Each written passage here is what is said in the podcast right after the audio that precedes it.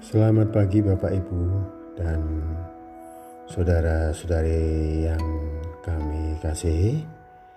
Pagi hari ini kita akan mengambil materi tentang analisa sosial. Apa itu analisa sosial Bapak Ibu? Kita akan melihat uh, kondisi masyarakat pada saat ini di mana tujuan dari uh, analisa sosial bagi anggota CU ini adalah bagaimana kita menyikapi uh, kenapa ada orang yang ya berkekurangan atau kita sebut miskin aja lah. Tapi ada juga orang yang kaya ada yang memenengah dan seterusnya itu Nah bersama ini Bapak Ibu uh, saya akan mencoba me menceritakan bagaimana seorang dua orang pemuda yang namanya uh, Emro dan Pipo Bapak Ibu di suatu, yang tinggal di suatu desa. Di mana mereka seorang pemuda yang punya cita-cita yang punya angan-angan untuk uh, pada hari tuanya itu uh, memiliki kehidupan yang baik lah gitu. Ya paling tidak uh, standar kehidupan manusia itu ya punya sandang punya pangan punya tempat tinggal ya kemudian ya berkeluarga mungkin dengan baik gitu. Nah kedua orang ini eh, mendapat pekerjaan dari bapak kepala desa bagaimana dia harus memindahkan air dari satu bukit yang satu ke desanya itu. Memang bentuk bukit itu uh, mempunyai elevasi yang uh, miring Bapak Ibu. Jadi dari sumber airnya agak lebih atas dibandingkan tempat desa mereka tinggal. Nah, Pipro badannya kecil sedangkan Emro ini mempunyai badan yang besar di mana kalau dia membawa uh, air dari sumber air ke desa itu tentu uh, karena dari yang besar dia memiliki tenaga yang lebih besar. Sehingga dia mempunyai menggunakan ember yang lebih besar. Namun si uh, Pipo itu hanya ya yang sedang-sedang lah. Dengan susah payah dia harus uh, membawa setiap harinya untuk mendapatkan uh, uang untuk kehidupannya. Nah dengan berjalannya waktu eh, Embro yang badan lebih besar dia memiliki eh, angka-angka eh, atau pendapatan yang lebih besar ya. Namun Pipo ya masih standar saja. Namun Pipo punya pemikiran bahwa ini akan lebih baik kalau menggunakan eh, saluran pipa gitu. Tapi ketika mereka berdiskusi uh, Emronya dengan uh, bangga dan kesombongannya dia tidak mau uh, diajak kerjasama dan malah mengetawa, menertawakan dia. Nah dengan dasar itu uh, Pipo tidak menyerah. Apa yang menjadi pikiran dan idenya itu dia lakukan sendiri ya dengan uh, direncanakan kemudian dilakukan sendiri ketika dia memiliki waktu-waktu luang. Misalnya pada hari-hari yang libur kemudian pada sore hari dia mulai melakukan mencangkul untuk uh, memasang pipa-pipa saluran dari uh, tempat sumber air itu menuju ke rumah-rumah penduduk ke rumah penampungan rumah air di rumah penduduk. Tapi masyarakat juga mentertawakan, kenapa harus capek-capek seperti itu? Coba lihat si uh, Embro. Embro dengan tenaganya, dengan uh, embernya yang lebih besar, dia sudah mulai memiliki uh, uh, memperbaiki rumah, sudah membeli sapi, ya, kemudian hal lain. Sedangkan Pipo ya dengan susah payah dia harus membeli pipa dan sebagainya. Nah, dengan berjalannya waktu terus menerus, maka kedua orang ini melakukan sesuai dengan pikirannya masing-masing. Dengan berjalan uh, lima tahun, 10 tahun, ternyata mereka juga uh, ada sisi kelemahannya. Embro sudah mulai capek dan mulai sakit, ya. Sedangkan Pipo juga demikian uh, sudah uh, menuangkan idenya itu semakin uh, mendekati desa itu. Jadi memasang pipa dengan mendekati desa itu. Terus berjalan terus maka uh, akhirnya uh, Embro itu karena dengan uh, ya istilahnya ngongso ya kalau bahasa Jawa itu uh, dengan kerja kerasnya yang betul-betul menggunakan fisiknya itu mulai sakit-sakitan ya. Kemudian Pipo sudah ya akhirnya mencapai juga pipa itu di desa itu. Dan dengan kondisi itu eh, Emro sudah berpenghasilan rendah karena usianya sedangkan Pipo ternyata penghasilannya makin hari makin naik karena memang Pipo eh, dengan tanpa harus membawa ember-ember dari tempat sumber air, dia sudah mendapatkan air itu melalui saluran pipa. Yang pada mulanya Embro dan masyarakat di situ mentertawakannya, Bapak Ibu. Nah, ya dengan jalan, akhirnya bagaimana Bapak Ibu mereka uh, si Pipo ini meskipun uh, sudah hari tua dan sudah uh, Artinya tenaganya sudah tidak seperti dahulu karena dia menggunakan pikirannya, maka uh, ide-idenya, maka uh, dapat tetap mendapatkan penghasilan bahkan lebih banyak. Bahkan uh, Pipo sendiri dengan tidur pun uh, tetap mendapatkan penghasilan. Nah ini mungkin yang kita sebut sebagai uh, penghasilan pasif income Bapak Ibu. Nah dari cerita tadi apa yang kita akan ambil Bapak Ibu?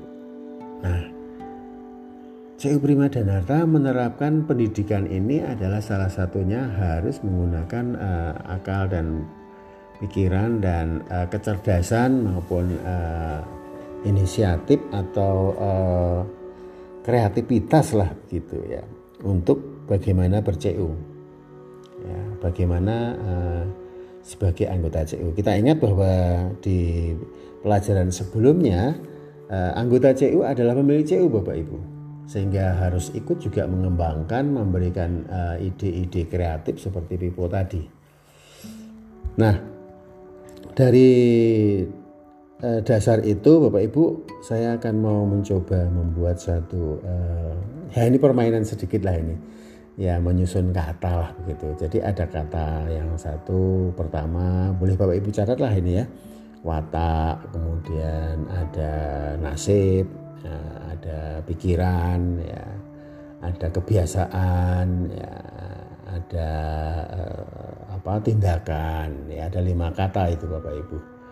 Nah, di kesempatan-kesempatan pertemuan untuk pendidikan dasar ini mereka teman-teman karena bisa bertemu maka bisa menyusun kata-kata itu. Tapi dari dari sini saya kira uh, Bapak Ibu juga bisa menuntun menyusun kata yang tepat.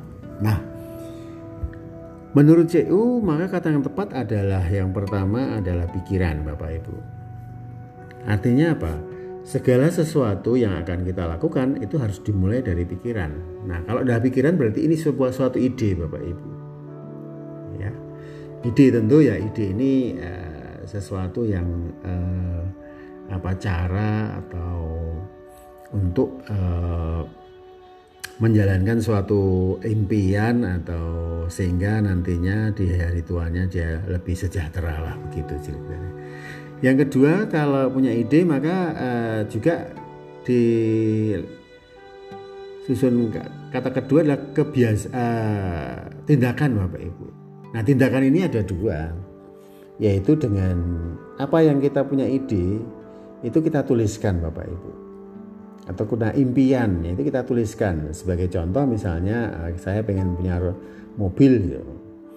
maka eh, saya tulis di situ saya gambarkan mungkin foto mobil orang lain atau eh, print out mobil lah gitu. Gambar-gambar yang mobil yang kita inginkan. Itu kita kemudian kita tempel di ruang kamar kita maka hari-hari berikutnya, hari-hari setiap harinya kita melihat, oh ini mobil ya, saya punya keinginan mobil seperti ini.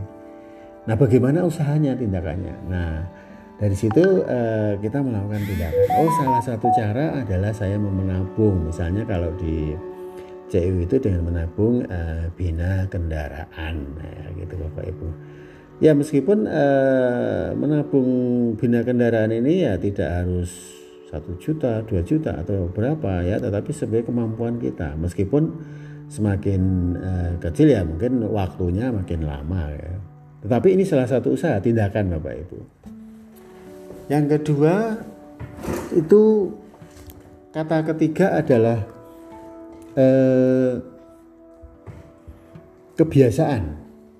Nah, kebiasaan ini adalah kalau itu menabung tadi kita lakukan terus menerus, terus menerus sudah menjadi kebiasaan. Anggaplah satu tahun atau dua tahun kita bisa menabung, misalnya satu bulannya saya menabung 500 ribu misalnya. Nah dalam satu tahun kita dapatkan 6 juta ya Bapak Ibu. Dalam dua tahun sudah dapat uh, eh, 12 dan seterusnya. Nah di sini kebiasaan kalau sudah menjadi kebiasaan maka akan menjadi watak Bapak Ibu. Ya, watak kalau sudah berwatak itu kan agak sulit di sulit dirubah Bapak Ibu. Jadi wataknya begitu atau kebiasaannya sudah seperti itu.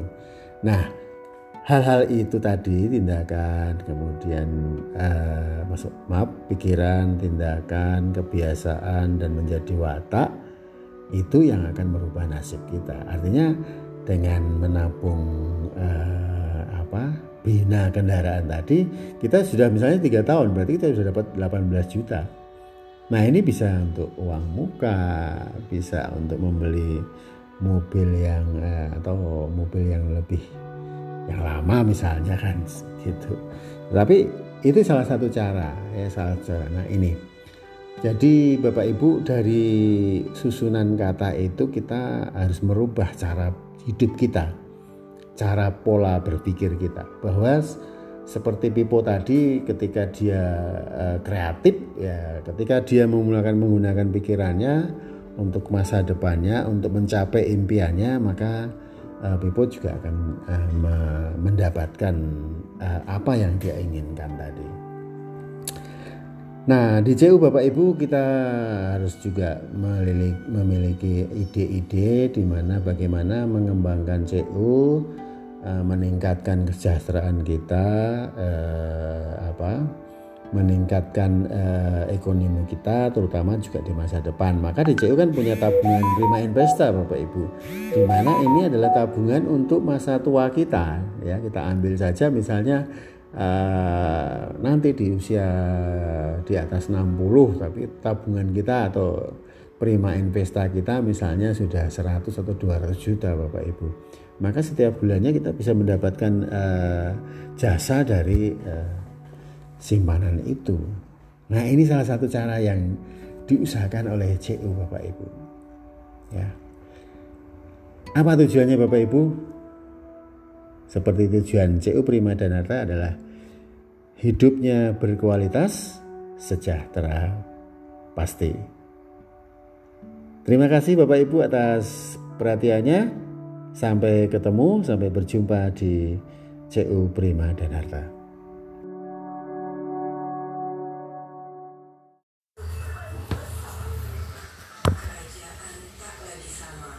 Mahfud Irfan adalah seorang sarjana ekonomi lulusan dari Fakultas Ekonomi Universitas Gajah Mada, Yogyakarta. Beliau berkarir di dunia perbankan selama 20 tahun dan terakhir menjabat sebagai Vice President di sebuah bank swasta asing. Pada tahun 2006, beliau mengambil pensiun dini dan sejak saat itu mengelola bisnis pribadinya bersama keluarga. Beliau juga memberikan pelatihan-pelatihan manajemen kepada banyak perusahaan, di antaranya adalah pelatihan persiapan pensiun untuk beberapa BUMN dan perusahaan besar lainnya. Teman-teman, jika Anda ditanya tentang bagaimana sih Anda ingin menjalani masa depan Anda, saya kok hampir pasti ya bahwa jawabannya adalah Anda pasti akan menginginkan kehidupan yang uh, sehat secara fisik, yang bahagia lahir dan batin dan secara finansial Anda juga pengen sekali gitu untuk bisa hidup yang sejahtera dan makmur. Cuma ternyata kebanyakan dari kita itu kok nggak pernah gitu loh secara serius melakukan langkah-langkah yang benar-benar diperlukan untuk mendapatkan masa depan seperti yang kita inginkan itu. Nah, Ada sebuah buku karangan Stephen Covey yang terkenal, judulnya adalah The Seven Habits of Highly Effective People. Di buku itu ada salah satu bagian yang namanya adalah Time Management Matrix. Stephen Covey bilang bahwa sebagian besar dari kita itu kita menghabiskan waktu kita untuk kegiatan-kegiatan yang very urgent dan very important. Jadi kita benar-benar selalu dalam kondisi yang tergesa-gesa. Nah, kemudian desakan dari situasi dan kondisi maupun dari pekerjaan kita itu sering kali juga membuat kita menghabiskan banyak waktu di kuadran yang nomor tiga di situ segala sesuatunya juga rasanya harus diselesaikan sekarang, sekarang, sekarang, sekarang. Meskipun banyak di antaranya yang sebetulnya nggak terlalu penting sih, tapi pokoknya semuanya harus sekarang.